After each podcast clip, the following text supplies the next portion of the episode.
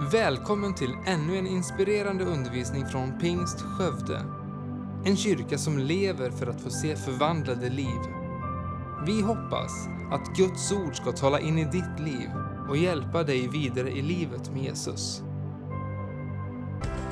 Vill du veta mer om vår kyrka eller komma i kontakt med oss så besök gärna vår hemsida. www.skövdepingst.se vi är mitt uppe nu i en spännande serie som heter Trons hjältar. Och eh, om du har läst Hebreerbrevet 11 så vet du att där i så finns det en lång uppradning utav människor som man skulle kunna beskriva som trons hjältar, föredömen i tro. Trons förebilder. Människor som eh, med sitt liv, med sitt agerande eh, blev föredömen för dig och mig. Och eh, därför vill vi se nu och studera de här personerna en i taget och se vad vi kan lära oss just utav dem. Och naturligtvis är det så att de här personerna förtjänar mycket mer än en predikan åt gången. Men vi eh, gör det så ändå och så får vi se någonting i deras liv. Idag då så handlar det om Jakob. Och du har fått en liten presentation av honom. Att han var ju en av stamfäderna, eller patriarkerna, trons fäder. Vi kan prata om trons hjältar, men det finns också några trons fäder. Jakob var definitivt en av dem. Och eh, min rubrik idag om Jakob är att han var utan svek. Och eh, det kanske låter, du som känner till storyn om honom tycker kanske det låter lite motsägelsefullt. Men vi ska se det, hur, hur Gud visar på det i hans liv. Hebreerbrevet 11 och 9 då, vi ska gå först här och, och, bara se det här att han finns med här så du inte tror att jag, att jag ljuger för dig. Utan att eh, han faktiskt är med och eh, finns i det här kapitlet då, eh, Hebreerbrevet 11. Och vers 9 så dyker han upp, han dyker upp lite senare, vi ska återkomma till det. Men först och främst så dyker han upp i vers 9. Där står det så här. I tron levde han, alltså Abraham, som främling i det utlovade landet. Han bodde i tält tillsammans med Isak och Jakob som var medarvingar till samma löfte. Här alltså dyker Jakob upp som en utav då de här tre stycken stamfäderna Abraham, Isak och Jakob. Och eh, det är ganska så hedrande sammanhang att komma i. Att nämnas tillsammans med Abraham som ju är liksom eh, den som, den som Gud slöt förbund med och som är liksom förbundsfadern i det gamla förbundet. Och, eh, eh, och då att han också då nämns här. Och vi kan se också att, att de här tre personerna, inte bara så var de ju liksom fäderna till judarnas folk, utan dessutom så var det så att, att Gud kopplade sitt namn till de här tre personerna. Vilket är ganska så häftigt. Att Gud låter sitt namn nämnas i samband med tre personer. Och det kan vi se första gången i Andra Mosebok kapitel 3 och vers 15. Här är det ju så att Mose då, vi ska inte prata om honom idag, men vi ska se det just den här versen. Mose är ute i öknen och ser den brinnande busken och Gud kallar Mose. Och när Gud då ska presentera sig och förklara vem han är, så säger han så här i Andra Mosebok kapitel 3 och vers 15. Gud sa ytterligare till Mose, så ska du säga till Israels barn, Herren, era fäders Gud, Abrahams Gud, Isaks Gud och Jakobs Gud har sänt mig till er. Detta ska vara mitt namn för evigt och så ska man kalla mig från släkte till släkte. Och eh, det är ganska häftigt att Gud låter sitt namn nämnas och presenteras tillsammans med Abraham, Isak och Jakob. Att det är den guden som, som då har sänt Mose här i detta fallet. Och Jakob omnämns då tillsammans med Abraham och Isak. Och det tycker jag är stort. Så att den här mannen har ju definitivt någonting att lära oss. Och när jag har suttit och läst om Jakob så det är ju liksom ingen person som det bara står, vi kan ha den barmhärtige samariten liksom. Då finns det, vi vet det är en story som handlar om honom. Eh, och sen så kan vi ha lite olika sådana här personer som det dyker upp kanske några versar kring. Men när man ska läsa om Jakob, då är det ju det är nästan halva första Mosebok handlar om Jakob. Så att det har varit en utmaning här nu att liksom försöka eh, få ner detta till en predikan. Men jag tror att jag har hittat någonting som kan vara till hjälp för dig idag. Eh, och han har ett fantastiskt liv. eh, och eh, är med om så mycket häftiga saker och eh, han liksom armbågar sig fram lite grann genom livet. Eh, men så ser vi också då till sist, trots det här ganska ja, speciella sakerna han gör, så använder Gud honom på ett fantastiskt sätt och han blir då omnämnd som en av stamfäderna. Vi ska läsa första nu då i första Mosebok kapitel 25 och vers 21 till 26. Och här då så börjar det stå om Isak, Jakobs pappa och här är första gången som eh, Jakob dyker upp i Bibeln. Och så här står det då, första Mosebok kapitel 25 fram eh, 21 till 26. Står att detta är Isaks, Abrahams sons fortsatta historia. Abraham blev far till Isak och Isak var 40 år gammal när han tog Rebecka till hustru. Aramén Betuels dotter från Paddan Aram och syster till Aramén Laba.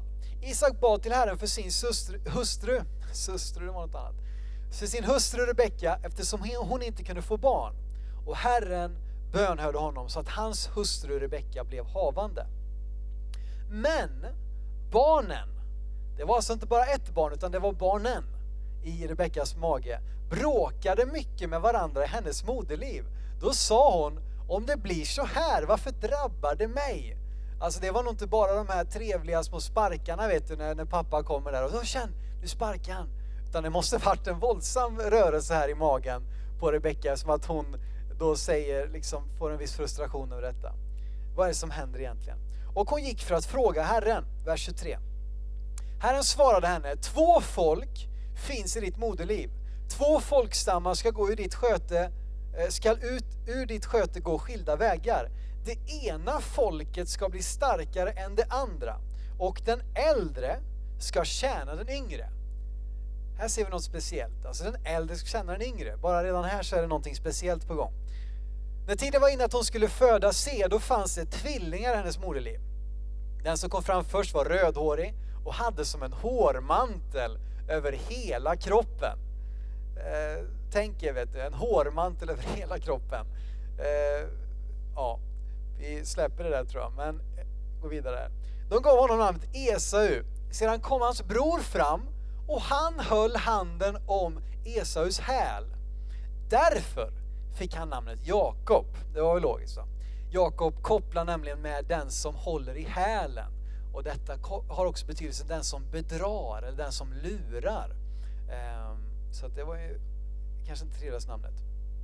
Isak var 60 år när de föddes. Här ser vi någonting och det första jag skulle vilja peka på i Jakobs liv, det var att han var utvald. Han var utvald. Du ska få tre stycken U här nu. Det är ju det är så pedagogiskt det kan bli. Det första är utvald. Så förhoppningsvis så kan du minnas nu när du kommer på tisdag och sitter och pratar vid fikabordet och de frågar vad handlar predikan om egentligen? Jag hörde någon som sa det att, att typ eh, så 95% glömmer allt vad du sagt inom 72 timmar eller någonting. Det är väldigt uppmuntrande som, som pastor och predikant och känner det spelar ingen roll vad du säger, de har glömt det mesta fram på onsdag ändå. Men förhoppningsvis så kan du få med dig de här tre stycken urna. Eh, och det första är utvald. Jakob var utvald. Redan i moderlivet så hade Gud en plan med hans liv. Redan i moderlivet så var det en tanke med att Gud valde inte den förstfödde, utan han valde den som kom tvåa. Och här på något sätt visar Gud en princip. Och det är att Gud väljer vem han vill. Gud kallar vem han vill. Och nu ska vi inte få detta till att handla om frälsning. Det är väldigt tydligt i Bibeln att frälsningen gäller alla. Guds nåd har uppenbarat sig frälsning för alla människor. Exempelvis står det i Titus brev 2.11. Men däremot när det handlar om olika specifika uppgifter, olika ändamål, olika tjänster, så väljer Gud vem han vill.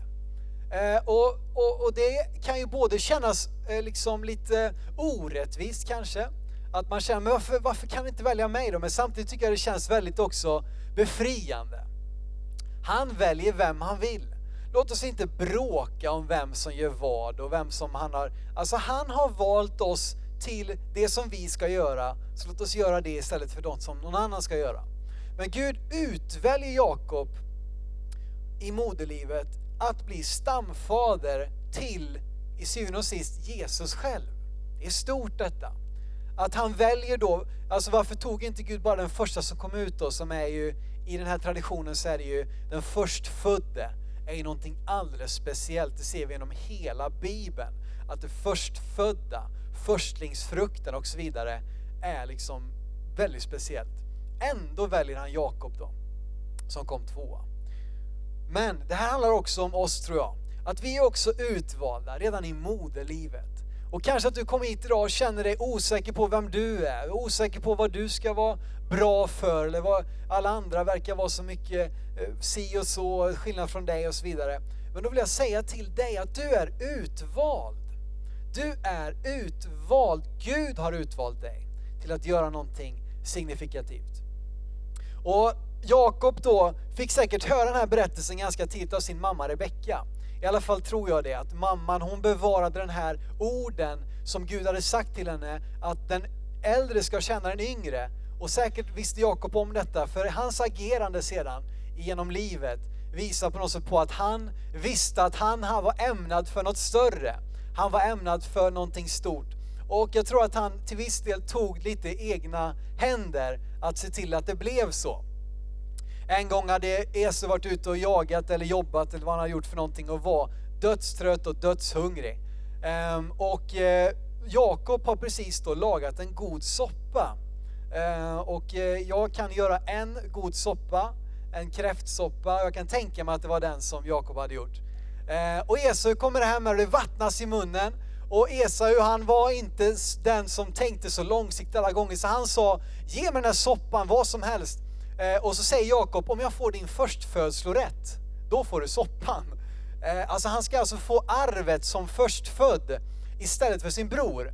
Och Esau, han verkar inte ha så många liksom, eh, hjärnceller just i den affären i alla fall. Så han säger, ja visst vad som helst, ta hit soppan bara. Så han tar soppan och Jakob på det sättet lurar till sig då förstfödslorätten. Sen kommer det lite längre fram när pappa Isak börjar bli gammal, så är det så också att i den här traditionen så, så, så välsignade då pappan sina barn när han börjar liksom komma upp i åren och det börjar närma sig kanske att han skulle lämna jordelivet.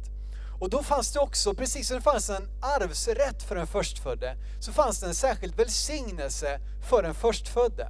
Som var oerhört, liksom verkligen någonting som var märkbart. Och eh, Isak då inser att snart är mitt eh, liv här på jorden slut. Så han kallar till sig Esau, sin förstfödde, säger till honom att eh, gå ut och eh, fixa käk, gå ut och jaga någonting, laga till det och kom till mig eh, och, och bjud mig på mat så ska jag välsigna dig. Och eh, Esau inser att det här är, nu är det på riktigt, nu händer det. Det största händelsen i hela hans liv är på väg att spela, utspela sig. Ehm, och samtidigt så hör Rebecka detta då, mamman. Hon säger till Jakob, gå och slakta en av de finaste killingarna så ska jag laga till en rätt som Isak eh, gillar och sen så sätter vi fårets päls på dina armar. Eh, som Esau, han var ju född med en hårmantel på sig. Eh, och så ska du gå in och låtsas vara Esau och lura till dig välsignelsen. Och för att göra en lång story kort så blir det så. Jakob står inför sin pappa Isak och Isak han anar att någonting är inte riktigt rätt. Han frågar flera gånger, är det verkligen du Esau? Jag känner inte igen din röst men jag känner, jag känner Esaus doft för han hade på sig Esaus kläder eh, och så vidare. Och Jakob står och säger rakt upp i ansiktet på sin pappa att ja, det är Esau. Och Isak lägger sina händer på honom och välsignar honom. Vi ska läsa ett par versar ifrån, inte just den eh, tillfället, men vid senare tillfälle, kapitlet efter, så välsignar Isak Jakob på nytt. Vi ska läsa ett par verser från Första Mosebok 28, 3-4. Och där står det så här då. Isak talar då till sin son Jakob innan han ska lämna dem och flytta vidare. Gud den allsmäktige ska välsigna dig och göra dig fruktsam och föröka dig så att du blir många folk. Han ska ge Abrahams välsignelse åt dig och dina efterkommande så att du får inta det land som Gud har gett åt Abraham. Det land där du nu bor som främling.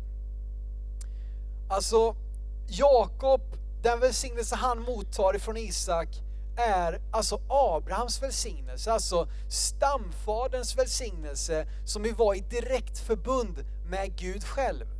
Det är den välsignelsen som Jakob snor till sig. Och naturligtvis, jag tror ju att Gud hade ett finger med i spelet på något sätt, även om jag inte är säker på att Jakob hade behövt göra allt detta själv kanske. Det, det, får vi diskutera om senare. Huruvida Gud gav sin, gav sin välsignelse till att Jakob lurade sin far eller inte, det får vi samtala om. Hur som helst så blir han välsignad. Och han är alltså utvald. Han är utvald att vara till välsignelse för andra, att han ska bli välsignad så att han kan vara till välsignelse. Och det ligger någonting oerhört starkt i dessa ord. Det som Isak talar ut över hans liv. Men nu då, ni förstår att Esau, han blir inte så glad på Jakob. Ni förstår det själva. Tänk er, han har lurat till sig både förstfödelserätten, sen också välsignelsen. Eh, alltså vad ska han ta härnäst kan man ju fråga sig. Så att vi ska läsa nu ifrån första Mosebok 27, vers 41-43. För här nu så är Esau vansinnig och jag förstår honom faktiskt. För han kom ju efter Jakob till sin pappa och säger, här är jag, här har jag lagat till mat, välsigna mig. Och jag, Isak säger, nej, jag har redan välsignat Jakob. Och så står det så här, första Mosebok 27, 41-43. Esau fylldes av hat mot Jakob på grund av den välsignelse som hans far hade givit Jakob. Han sa till sig själv, snart kommer en tid då vi ska sörja vår far, alltså då han skulle dö. Då ska jag döda min bror Jakob. Man berättade det för Rebecka, vad hennes äldre son Esau hade sagt, sände hon bud efter sin yngre son Jakob och sa till honom, din bror Esau tänker hämnas på dig och döda dig. Och nu min son, lyssna på mig, fly till min bror Laban i Haran. Fint namn va? Laban i Haran. Lovsång i ladan här på onsdag, men här möter vi Laban i Haran. Det var något annat. Här kommer nu en tidsperiod på över 20 år i Jakobs liv där han blir utmanad. Han var utvald, han visste det, han fick ta emot välsignelsen, han hade en kallelse över sitt liv. Men trots det så kommer en lång tid i hans liv där han blir utmanad, där han blir utsatt för prövning.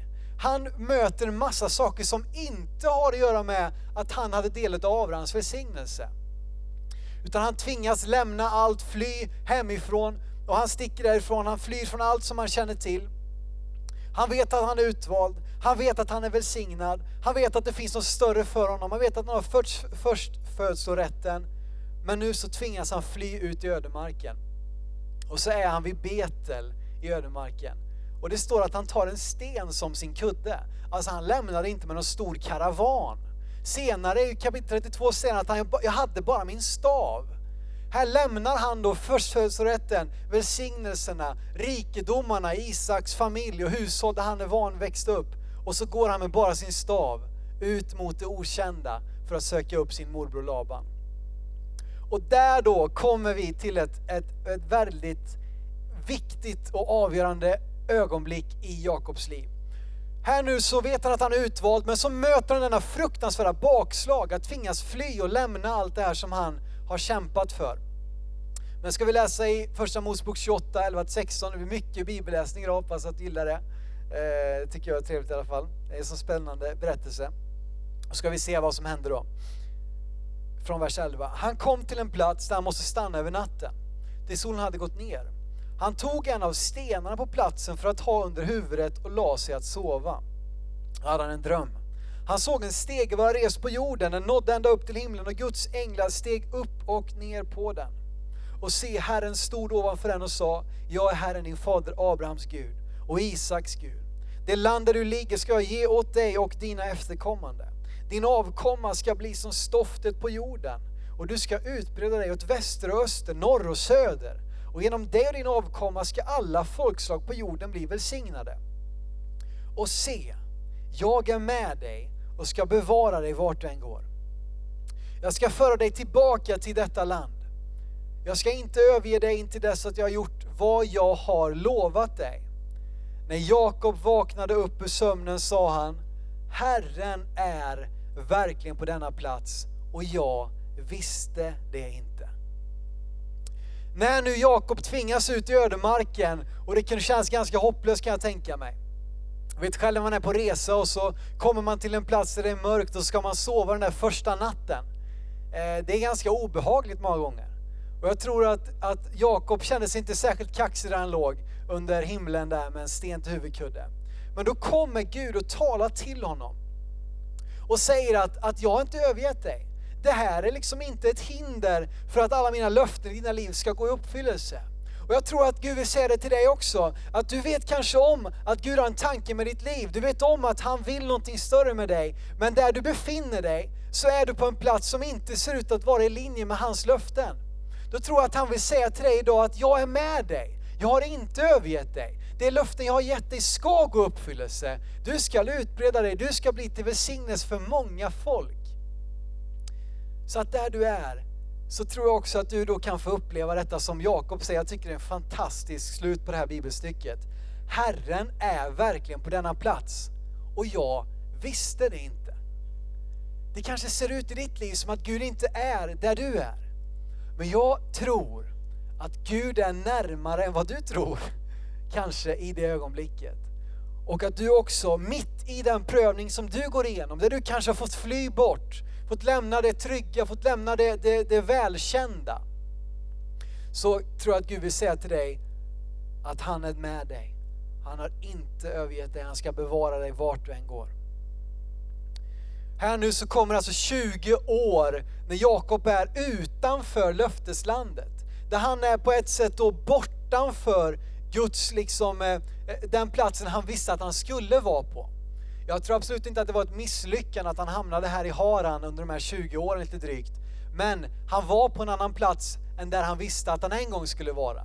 För han visste att det var landet där han kom ifrån, det var där han var kallad att också eh, fortsätta eh, att, att leva och att se sina barn och barnbarn och barnbarnsbarn växa upp och breda ut sig. Och här nu då så, så återigen nu så använder Jakob sin list åt att, att eh, eh lura sin eh, farbror eller morbror som för det första lurar honom först.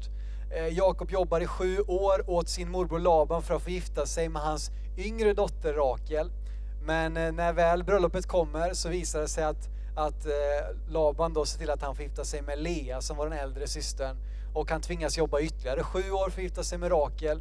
Eh, han har jobbat i 14 år för att få två fruar. Eh, jag vet inte om det är någon som har gjort det här, jag hoppas inte det. Men eh, sen i alla fall så, så kommer det då till en tid där, där Jakob börjar känna att nu vill jag börja stå på mina egna ben. Nu vill jag liksom komma vidare. Han jobbar i ytterligare sex år för så att säga att få eh, ett startkapital, att någonting att stå på egna ben. Att han ska få en del av den jord med får och andra djur som han tar hand om åt sin morbror Laban. Och här nu så använder Jakob sin list och det är en väldigt spännande story. Ni som kan det här med växter och blommor och bin lite bättre, ni kanske kan förklara för mig hur det går till där va. Men, men eh, ja, vi ska inte gå in på det. Men hur som helst så lyckas Jakob avla fram, och jag tror det är självklart Gud som har ett finger med i spelet, så att han får en stor del utav den fårjord som han då eh, vaktade. Eh, och Laban då får bara en liten del utav de svaga och utsatta och klena djuren. Eh, och det här var inte så populärt. Eh, som, jag, jag liksom sveper lite över detta för att komma fram till någonting här. Eh, men det jag vill visa på är att Jakob igen så att säga lurar på ett sätt till sig eh, detta då ifrån sin morbror. Och det kommer till den punkt att Labans söner börjar se vad som händer och går till Laban och säger någonting som vi ska se i första Mosebok 31, vers 1-3. Och där står det så här, att Jakob fick höra hur Labans söner sa, Jakob har tagit allt vad vår far ägde. Av det som tillhörde vår far har han skaffat sig hela denna rikedom. Jakob märkte också att Laban inte såg på honom med samma ögon som förut. Då sa Herren till Jakob, vänd tillbaka till dina fäders land och till din släkt. Så kommer det här trösterika slutet där. Jag är med dig. Återigen, jag är med dig. När han återigen ställs inför ett hot som kanske kan kosta honom hans liv, så kommer Gud till honom och talar in i hans situation och säger, gör så här och så här, jag är med dig. Jakob flyr därifrån. Ehm, och ska då vända tillbaka till sin bror. Och när han gick ut ifrån Kanans land, löfteslandet, så hade han bara sin stav. Men nu när han vänder tillbaka så kommer han med fyra fruar, för att, eller han har två bihustrur och två riktiga fruar. Men det, vi går inte in på det. Och han har eh, elva söner, borde det vara. Och han har mängder utav jord. Han är en rik man. Han kommer tillbaka som, som, en, som en, liksom, eh, en furste på något sätt. Och tågar tillbaka mot, för att möta sin bror. Och tänk er själva. Nu ska du möta den bror som du lurade både förstfödslorätten och välsignelsen ifrån för att sen bara fly och inte ens säga hej då. Och här nu efter över 20 år så ska Jakob gå tillbaka till sin bror. Och vi märker när vi läser berättelsen att han är livrädd. Eh, och det visar sig också att när de börjar närma sig så sänder Jakob bud till Kain och buden kommer tillbaka och säger Kain kommer emot dig med 400 man. Och då talar vi alltså soldater, tränade soldater som, som alltså är på väg mot Jakob. Och ni förstår att Jakob, han, han blir inte direkt lugn när han hör detta. Att det kommer en armé mot dig på 400 man. De har inte sagt att de ska anfalla men det kommer ändå en, en, en, en, en, liksom en ansenlig armé mot honom. Och Jakob är livrädd. Men i detta ögonblick, i detta, i detta liksom ångestfyllda så kastar han sig på Gud. Och vi ska se det i, vers, i kapitel 32, vers 9 till 12. Och Jakob här nu, han har dratt sig undan och han, han är full av ångest. Han vet inte om, om hans liv är på väg att ta slut, om han ska förlora både sina barn, sina fruar, alla sina jordar. Han vet ingenting. Eh, det här är liksom kvällen på något sätt före att hela hans liv ska avgöras. Och då ber han den här bönen i 32, vers 9-12. Jakob bad, Herre, min fader Abrahams Gud och min fader Isaks Gud. Herre, du som sa till mig, vänd tillbaka till ditt land och till din släkt så ska jag göra dig gott. Jag är inte värdig all den nåd och trofasthet som du har visat din tjänare. När jag gick över denna Jordan så hade jag inte mer än min stav och nu har jag blivit två skaror. Rädda mig undan min bror Esaus hand, för jag är rädd att han kommer och döda mig. Jag har också mödrar och barn. Du har själv sagt, jag ska göra dig mycket gott och låta dina efterkommande bli som havets sand, omöjliga att räkna. I detta, i denna avgörande situation i Jakobs liv, så kommer också senare på natten en händelse som förändrade hela hans liv. Att Jakob får ett nytt namn.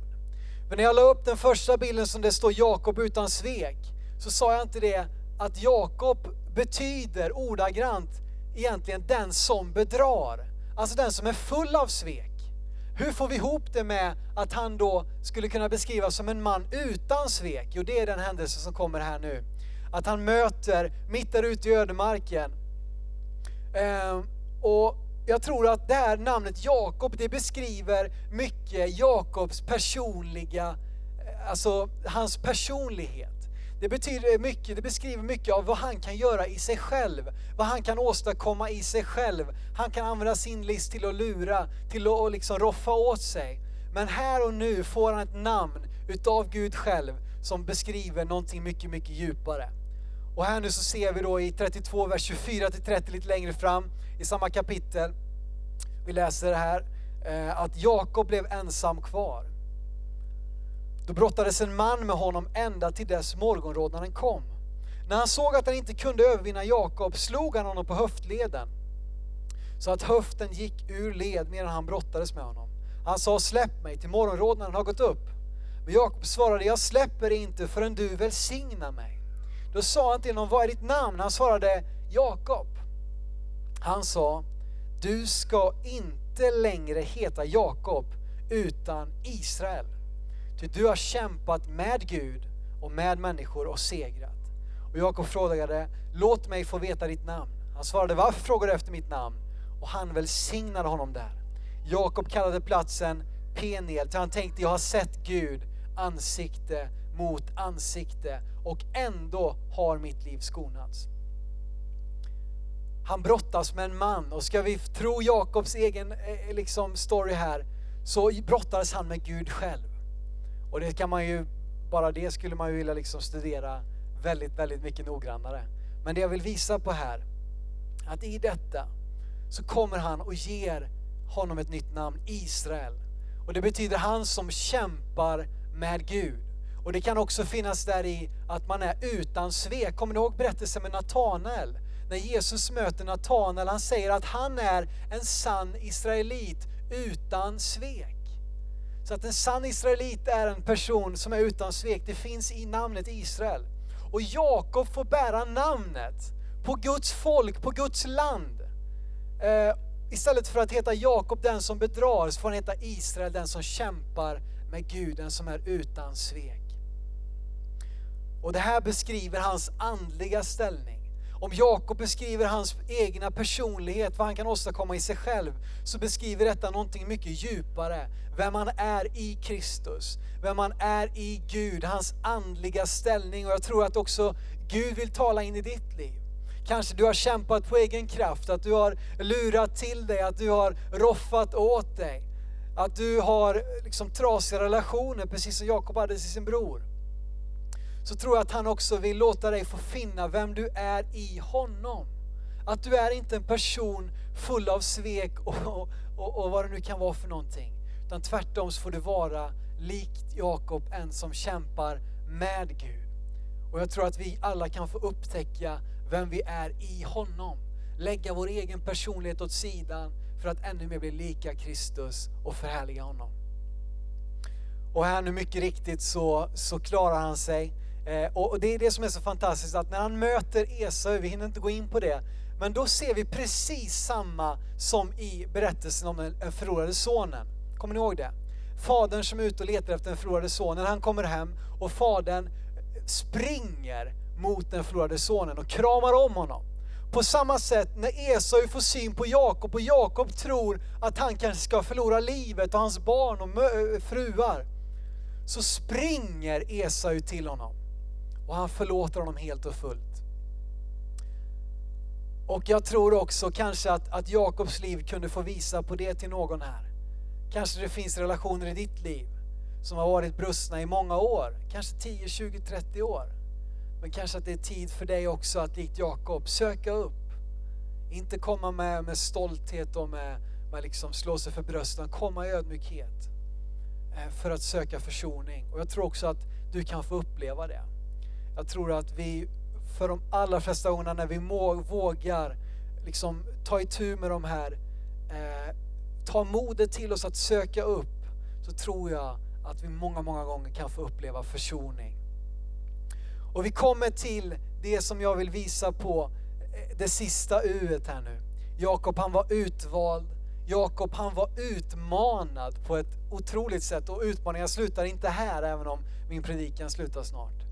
Men det jag vill visa på är att de här sakerna, han var utvald för ett syfte. Han blev utmanad för ett syfte. Och jag tror att det var för att han skulle få vara utgivande. Att han skulle få ge vidare. Att han skulle få vara till välsignelse. Vi ser det ända från hans moderslivet och efter Isaks välsignelse, att det talar om att du ska bli till välsignelse för alla folk. Vi blir inte välsignade av Gud bara för oss själva. Nej, vi blir det för att kunna vara till välsignelse för andra, för att kunna ge ut av dem vi är, för att kunna ge vidare. Och vi ska läsa också när, när Herren på nytt visar sig för Jakob och bekräftar det här han gjorde i den här brottningsmatchen i eh, 35, 9-12. Det står så här. Gud visade sig på nytt för Jakob när han hade kommit tillbaka från Paddan Aram och han välsignade honom. Gud sa till honom, ditt namn är Jakob, men du ska inte längre heta Jakob, utan Israel ska vara ditt namn. Och han gav honom namnet Israel. Gud sa till honom, jag är Gud den allsmäktige. Var fruktsam och föröka dig. Ett folk, ja, skaror av folk ska komma från dig och kungar ska utgå från dig. Det land som jag har givit åt Abraham och Isak ger jag till dig och åt dina efterkommande ska jag ge detta land. Att han skulle få ge, ge någonting vidare till nästa generation.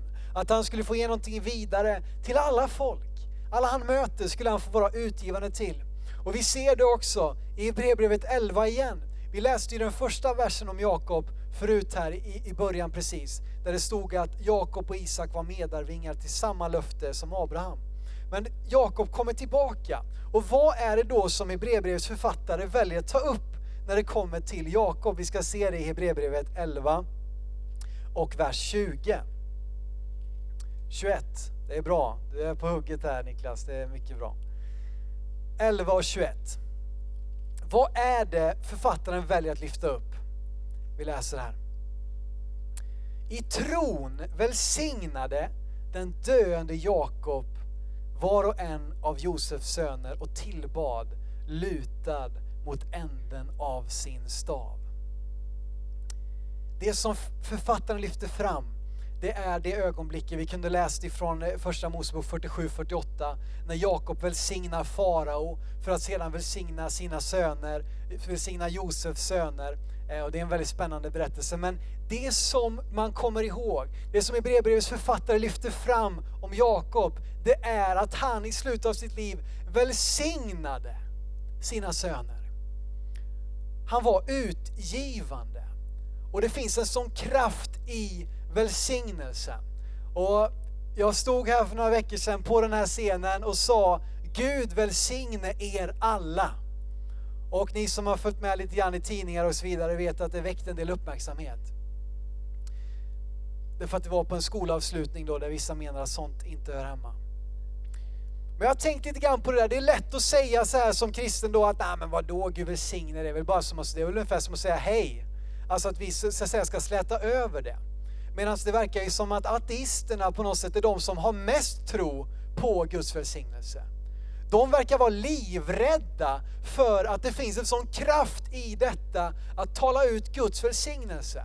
Så jag känner, jag hoppas inte att det har framgått så eh, när jag har svarat i alla fall i olika sammanhang, som att man vill förminska välsignelsens betydelse som att, ah, det är väl inte så noga. Nej, tvärtom så är det noga. Det är någonting stort, det är någonting starkt i att få säga Gud välsigne dig. Så låt oss göra det till varandra, inte bara som en slentrianmässig hälsning på slutet eller början.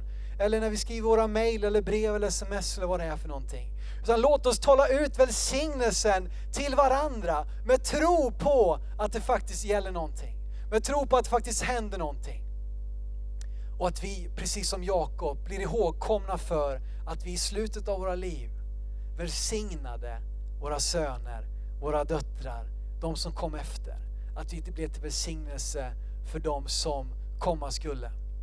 Och jag vet inte vart du är någonstans i ditt liv, men jag, det har inte med ålder att göra. Men oavsett vart du är i ditt liv så kan du få bestämma dig för att likt Jakob så vill jag leva ett utgivande liv. Jag vill få bli ihågkommen för att jag välsignade människor i min omgivning. Och vet detta, att du är utvald. Men det betyder inte att du inte kommer bli utmanad, utan kanske tvärtom är det en garant för att du kommer uppleva utmaningar i ditt liv. Men i allt detta får vi ändå leva ett utgivande liv till välsignelse för andra. Tack för att du lyssnat. Titta gärna in på vår hemsida www.skövdepingst.se för att få veta mer om oss. Och glöm inte att du alltid är välkommen till vår kyrka